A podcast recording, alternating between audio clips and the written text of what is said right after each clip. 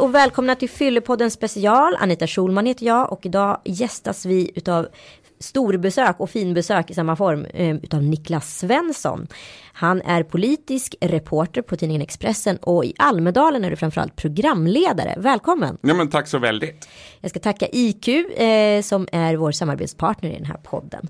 Eh, Niklas, Ja. det finns ju många som anser att Almedalen är betald semester då flertalet journalister, politiker och näringslivspersonligheter är där minglar och, och har det trevligt tillsammans. Vad, vad säger du? För många kan det nog uppfattas som en firmafest eftersom PR-konsulter, journalister och politiker träffas och på kvällarna sitter på restaurangerna ihop. Men jag skulle säga att det var mycket mer så för 10-15 år sedan. Idag har Almedalen blivit så stort och så viktigt för många att festbiten till stor del har försvunnit.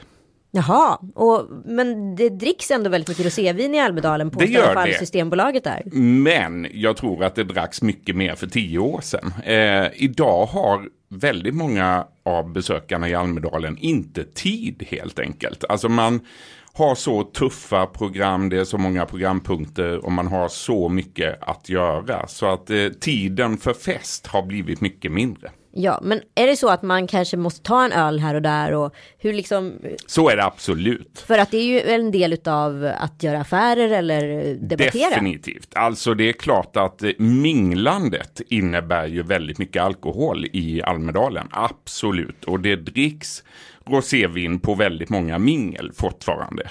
Men jag tror att den där rena fyllan som man såg mer av för 10-15 år sedan i Visby, den har till stor del försvunnit. Alltså eh, människor som blir riktigt, riktigt berusade ser man inte lika ofta. Men vad spelar egentligen rollen för alkohol i Almedalen? Är den viktig?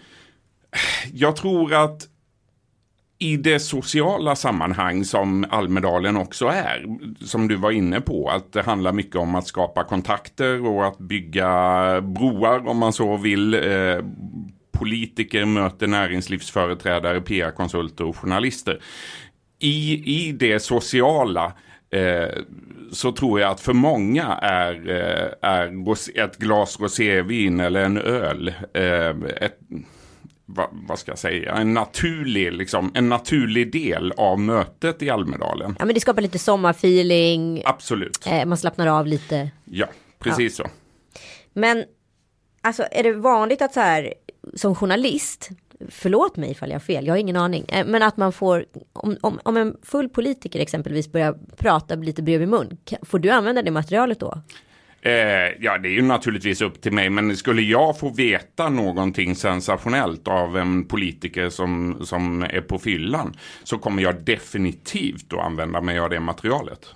Absolut. Är det inte läskigt att leva i en sån här mellanvärld liksom där du liksom både handlar om att du måste vara deras kompisar för att få förtroende samtidigt du vet att du kan så här, hugga dem i ryggen direkt. Ja, men det, ja, möjligen kan man utifrån se det på det sättet, men jag har aldrig sett det så. Jag tycker att jag i första hand alltid är politisk reporter på Expressen. Eh, och det gäller i vilket sammanhang som helst. Om någon skulle berätta någonting för mig som jag tycker är en nyhet eller någonting som är intressant för våra läsare, lyssnare, tittare så kommer jag använda mig av det materialet. Men så man kan festa med politiker, om du alltid är då politisk reporter, hur, hur, vad händer då när, under hashtaggen Niklas40 som var ganska omdebatterad? Ja, den var väldigt omdebatterad och det kan jag förstå för att det var en, eh, ovanlig, en ovanlig situation för väldigt många tror jag. Många Ja. av mina kollegor reagerade över att politiker kom till min fest. Men Vi kan väl bara berätta för lyssnarna snabbt, Ja. det var din 40-årsfest.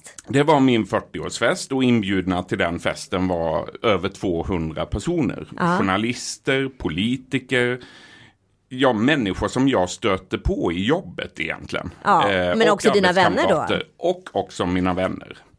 Eh, och många reagerade ju över att så många politiker dök upp på min fest. Eh, och jag har hela tiden sagt att jag är i första hand politisk reporter på Expressen och det faktum att man var på min 40-årsfest friskriver inte en från granskning och det tror jag de flesta har sett. För flera av dem som var på min 40-årsfest har ju jag både granskat och skrivit om inte bara i positiva sammanhang ska jag säga, efter min fest.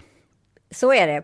det man brukar säga att det är så här, 40-årsfester och bröllop, det brukar vara så här signifikant för att just den dagen, för det är väldigt många som inte kommer på nästa fest. Exakt så. Jag är inte säker på att alla de som var på min 40-årsfest kommer när jag fyller 50. Nej, Nej. den saken är klar. Men äh, kan du berätta lite hur liksom, journalistens roll ser ut i Almedalen? Hur funkar ditt jobb exempelvis? Hur ser en, eh, hur ser en eh, morgon, från morgon till kväll ut? Ja, för mig är Almedalsveckan den mest intensiva veckan på hela året, vilket kanske inte är så konstigt. Expressen storsatsar i Almedalen, vi gör otroligt mycket tv-sändningar, vi gör en eh, 35-sidig tidning varje dag bara om Almedalen eh, under hela veckan. Så att det för mig är det väldigt, väldigt mycket jobb. Eh, en vanlig dag i Almedalen börjar för min del vid sex på morgonen med att förbereda de första tv-sändningarna och sen håller jag i utfrågningar av partiledare och ministrar hela dagen. Eh, på kvällen leder jag ett eh, halvtimmes långt direktsänt program med ett gäng olika gäster där vi recenserar partiledarens tal. Ehm, och eh, därefter så eh, ska jag skriva artiklar till papperstidningen, håller på fram till midnatt ungefär. Och sen är det någon timme eh, mingel eller vad vi nu ska kalla det, där jag försöker skanna av vad som händer runt Donnes plats och Donnes brunn. Och vad och så, är det som kan hända där? Ja men där kan, ju precis, där kan ju precis, eftersom Donnes plats är en central plats under Almedalsveckan. Det är där väldigt många politiker hänger, det är där många av journalisterna är när de har jobbat klart. Mm. Så att eh, när det kommer till minglandet och eventuellt eh, fylleri mm. så är det runt Donnes plats som det sker på kvällarna. Men hur mycket nyhetsvärde finns det i eh, fulla politiker? Nej, inte speciellt mycket om jag ska vara ärlig. Alltså jag har bevakat eh, Almedalsveckan i 12-13 år och jag, har inte, jag kan inte erinra mig att vi har haft någon större fylleskandal, alltså där politiker har gjort bort sig. Men eh, som vi var inne på inledningsvis, det kan ju komma saker som man har nytta av senare i minglet runt Donnes plats. Det har däremot hänt många gånger att jag har fått att jag har fått upp kon på eh, en nyhet eller någonting som... Med tips då helt enkelt? Ja, tips eller, eller eh, att man själv ser någonting som sen leder en vidare. Oj, vad spännande. Kan, kan du ge ett exempel?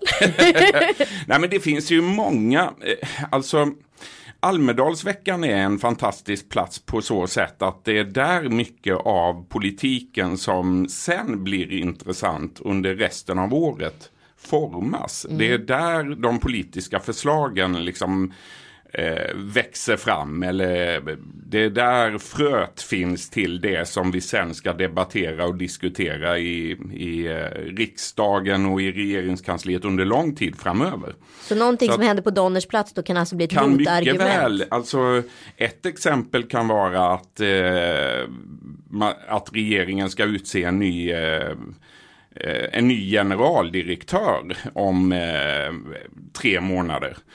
Då kan namnen diskuteras under Almedalsveckan. Det är där jobbet egentligen delas ut till en ny person. Men vi får veta först om tre månader. Men då kanske du har varit lite försigkommen här. Precis så. Aha.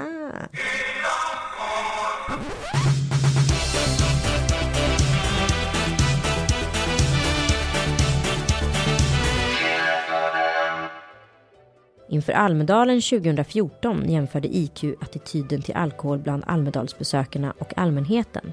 Bland de personer som planerade att besöka Almedalen svarade 44 procent att det är okej på arbetstid att skåla på jobbet. Motsvarande siffra bland allmänheten var 25 procent. 23 procent av Almedalsbesökarna tyckte det var helt fel att bli berusad när man äter middag på restaurang. Motsvarande siffra bland allmänheten var 42 procent.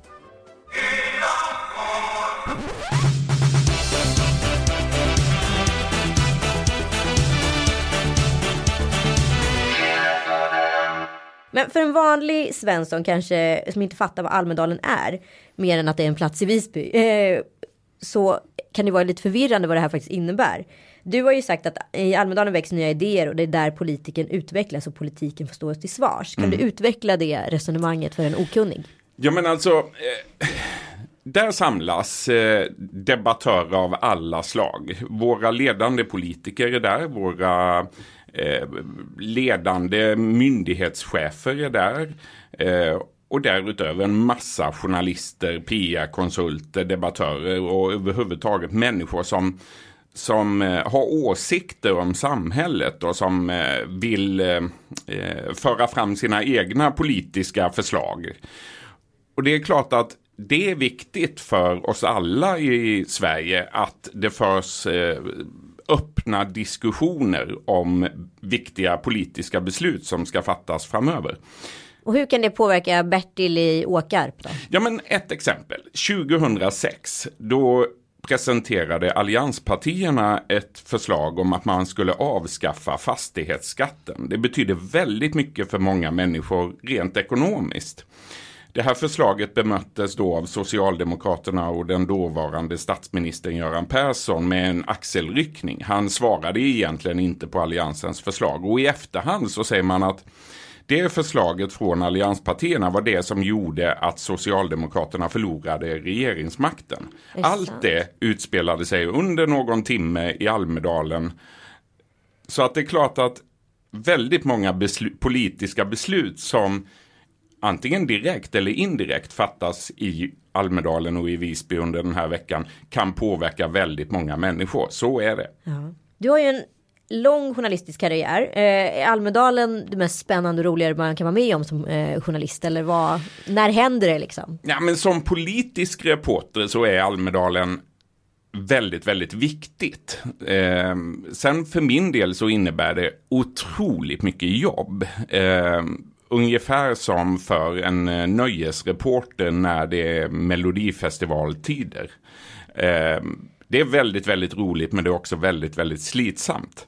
Eh, jag har ju jobbat med många olika saker på Expressen så jag har varit just nöjesreporter för 10-15 år sedan och då bevakade jag eh, Melodifestivalen och Eurovision och Expedition Robinson och det var otroligt roligt också på sitt sätt. Eh, men, eh, men i egenskap av politisk reporter så är det här en väldigt viktig och väldigt rolig veck vecka. Men du kan ju ibland provocera kan jag tänka med andra journalister. Du åker helikopter, Alldeles du kör säkert. newsflash. Alltså är det politik eller är det liksom journalistik? Var, var, var går gränsen? Alltså... Jag hävdar ju att det är journalistik men jag har väl alltid stuckit ut lite på så sätt att jag är, jag är ganska ovanlig som politisk reporter eftersom jag kommer ifrån nöjesvärlden. Precis, jag gick, alltså, det. jag gick från eh, Melodifestival och Expedition Robinson till riksdag och regeringskansli och statsministerintervjuer. Det är en ganska ovanlig väg och däremellan har jag också varit kriminalreporter och krigskorrespondent på Balkan och allt vad du vill. Det är ganska få politiska reportrar som har varit det. Möjligen har det inneburit att jag ser på våra politiker på ett delvis annat sätt än vad mina kollegor gör. Mm. Alltså jag tycker att vi, vi ska inte behandla våra ministrar på eh, något annat sätt än vad vi behandlar dokusåpadeltagare. Jag tycker inte vi ska ha större respekt för ministrarna än vad vi har för deltagarna i Expedition Robinson.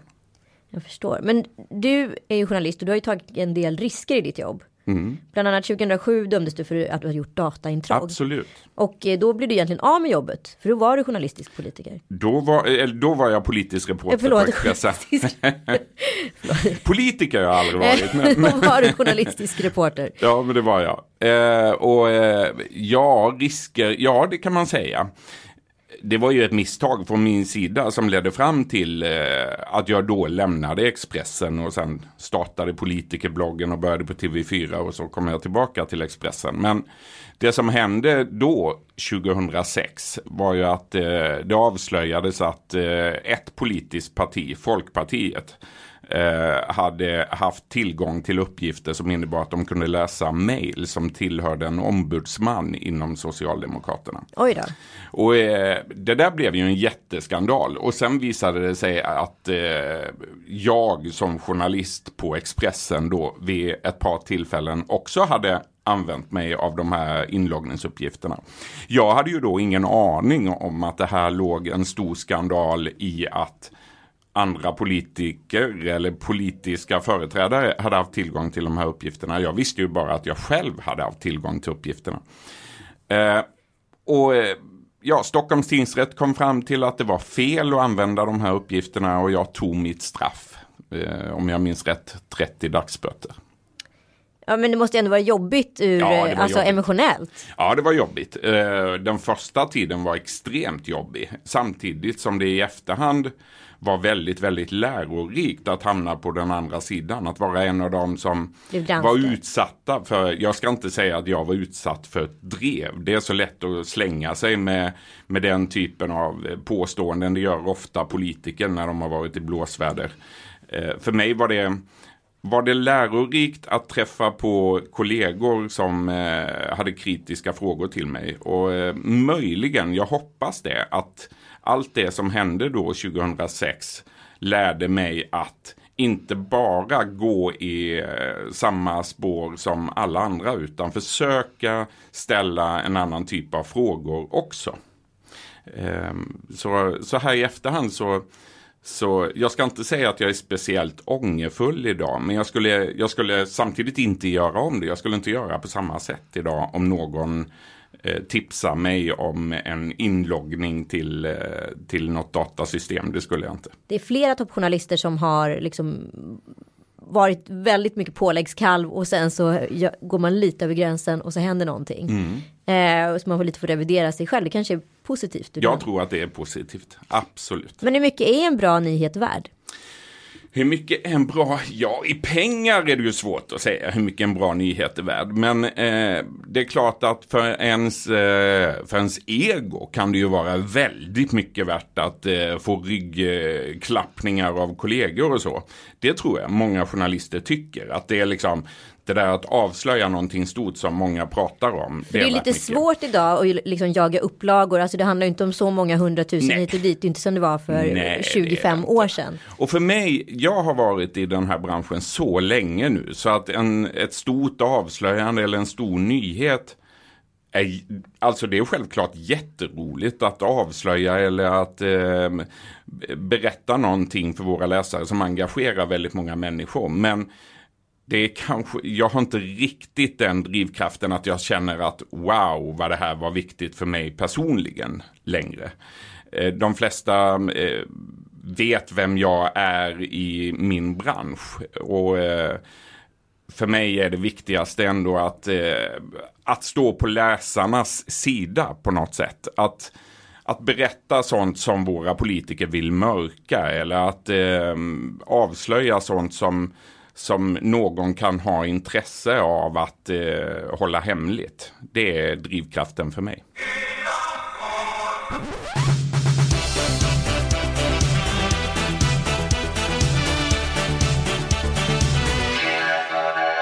Hur ser dina egna alkoholvanor ut? Får man fråga det? Ja, det får man absolut. Ja, förmodligen dricker jag något för mycket. Jag dricker vin till eh, middag hemma eh, tre, fyra dagar i veckan. Eh, kan mycket väl ta ett glas vin en eh, måndag eller en tisdag. Eh, och det finns nog de som skulle, skulle säga att jag därmed dricker för mycket. Jag har varit väldigt mycket i eh, södra Europa. Jag gillar eh, sättet som man hanterar alkohol där. Där man väldigt sällan dricker sig berusad. Men ganska ofta tar ett glas vin eller två till eh, maten på kvällen. Och jag, ungefär så hanterar jag alkohol. Jag dricker extremt sällan starksprit. sprit. jag minns inte ens när jag gjorde det sist. Men jag dricker ganska mycket vin. Det låter i och för sig trevligt. Mm. Eh, men du har ju tonåringar hemma. Och hur pratar ni om alkohol? Ja, de är inte riktigt tonåringar än. Vi har två 11-åringar, Ah. men ganska snart. Än så länge har, tack och lov, så har, eh, har det ännu inte eh, varit aktuellt från deras sida att lyfta ämnet alkohol. Men vi, vi har nog börjat så smått prata med dem om att eh, man inte ska dricka alkohol när man är ung och sådär. Eh, samtidigt som jag inte vill vara den där pappan som hamnar i ett läge om två, tre år där eh, mina döttrar, eller min dotter, eh, har eh, eh har tömt en flaska i smyg liksom och fyllt på med vatten. Jag vill, jag, jag vill inte hamna där. Talar du egen så. erfarenhet här? Ja, li, lite så kan man nog säga. När jag, när jag var ung eh, och växte upp i Blekinge så hände det att man, eh, att man fingrade på pappas flaskor. Liksom. Absolut. Ja, men det var ju lite, jag är ju också lantis från mm. början och man dricker ju lite tidigare på landet. Så Absolut. Att, så här, ja, jag tror jag var brusad första gången jag var 13. 13, ja. ja men det är möjligt. Jag var nog något senare, säg 14-15 men, men, men då eh, då drack jag å andra sidan hysteriskt vissa lördagskvällar liksom, med kompisarna. Sådär. Och det var ju inte alltid det var ju inte alltid eh, vin man drack då, utan det kunde ju vara liksom både det ena och det andra. Ja, precis. Mm. Jag tror min första brusning var på en och en halv folköl i och för sig. En och en halv folköl, okej. Okay. eh, mm. Men alltså det är ju ganska, du jobbar ju väldigt mycket. Ja. Och hur kombinerar man liksom föräldraskap och liksom yrkesrollen? Hur hänger de med eller hur funkar det? Ja, det är ju alltid din, ett ständigt eh, pusslande. Fru, ja, för din fru också liksom jobbar väldigt mycket. Precis, och den här, ja, den här veckan så ses vi knappt. För att eh, just nu veckan innan Almedalen så eh, åker hon till Båstad för att jobba där nere i tre dagar. Så nu har jag ansvaret för barnen de närmsta tre dagarna. Sen åker jag till Bryssel när hon kommer hem på toppmöte med Stefan Löfven. Och sen på lördag så åker jag direkt till Almedalen och Visby för att vara där i åtta dagar. Så att det Ja, just vid den här tiden är det svårt att kombinera. Och nu har sommarloven börjat? Sommarloven har börjat. Nu eh, har jag en väldigt gymnastikintresserad dotter. Så hon åkte i morse på ett veckolångt eh, gymnastikläger. Och sonen går i förskolan under den här veckan också. Så att, eh, ja, det löser sig. Men det, det är inte alldeles enkelt att pussla. Men det gäller ju väldigt, väldigt många människor. Så är det. Jag förstår. Du har ju, man måste ju ändå säga att du är väldigt duktig på det här med sociala medier. Och vad skulle du säga är kraften utav sociala medier för en journalist? Jag tror att det är väldigt viktigt för journalister oavsett vad man sysslar med för ämnesområden att finnas i sociala medier. Inte minst för att det är en viktig väg till tips. Alltså det är, jag får fler nyhetstips idag via Twitter än vad jag får per telefon. Och det, det, är rätt fantastiskt. För tio år sedan då pratade vi om att eh, det var så otroligt viktigt att vara anträffbar på telefon och att eh, eh, många viktiga tips kom den vägen. Idag är det utan tvekan så att de majoriteten av alla tips kommer till mig via Twitter. Sen menar jag att för transparensens skull eh, så är sociala medier också viktigt. Att eh, svara på kritiska frågor, att möta läsarna, lyssnarna, tittarna via sociala medier. Du är otroligt snabb på att svara på Twitter, det är otroligt. Jag försöker, sen är det inte alltid man hinner med, men jag försöker svara. Eh, och... du, du, svarar nämligen inte på mina mejl överhuvudtaget i den här podden, du svarar bara via Twitter. Nej, jag ber om ursäkt för det. Men... men det är intressant hur du använder forumet. Ja, Twitter är för mig väldigt, väldigt viktigt och en del av liksom sättet som jag lever på. Alltså när jag, när jag vaknar på morgonen så är jag skannar först av eh, Expressen och våra konkurrenter Aftonbladet eh, snabbt i telefonen och sen kollar jag Twitter och sen kollar jag mejlen och så går jag vidare till eh, övriga då, papperstidningar. Så att det, för, mig är, för mig är Twitter väldigt viktigt. Är du mobilberoende? Ja, det kan man nog säga. det kan man lugnt säga. Blir jag av med mobilen nu så måste jag ha en ny omedelbart. Jag förstår. Mm. vad gör du i sommar? Ja, efter Almedalsveckan då går jag på en lång semester. Och jag, på något sätt så här dagarna innan Almedalen så är det det jag lever på. Liksom. Att vetskapen om att jag snart är ledig gör att jag fixar Almedalsveckan. Hade jag inte vetat det så hade jag nog inte fixat den här veckan. Så att lång ledighet. Jag ska åka några dagar med hela familjen till Barcelona och sen resten av tiden i sommar kommer vi att tillbringa på landet utanför Norrtälje. Trevligt. Mycket. På en fortsatt bra sommar. Tack ja, snälla för att du kom. Tack så väldigt. Tack IQ. Eh, om ni är intresserade av att kolla era egna alkoholvanor kan ni gå in på iq.se. Där kan man testa sig själv på alkoholprofilen.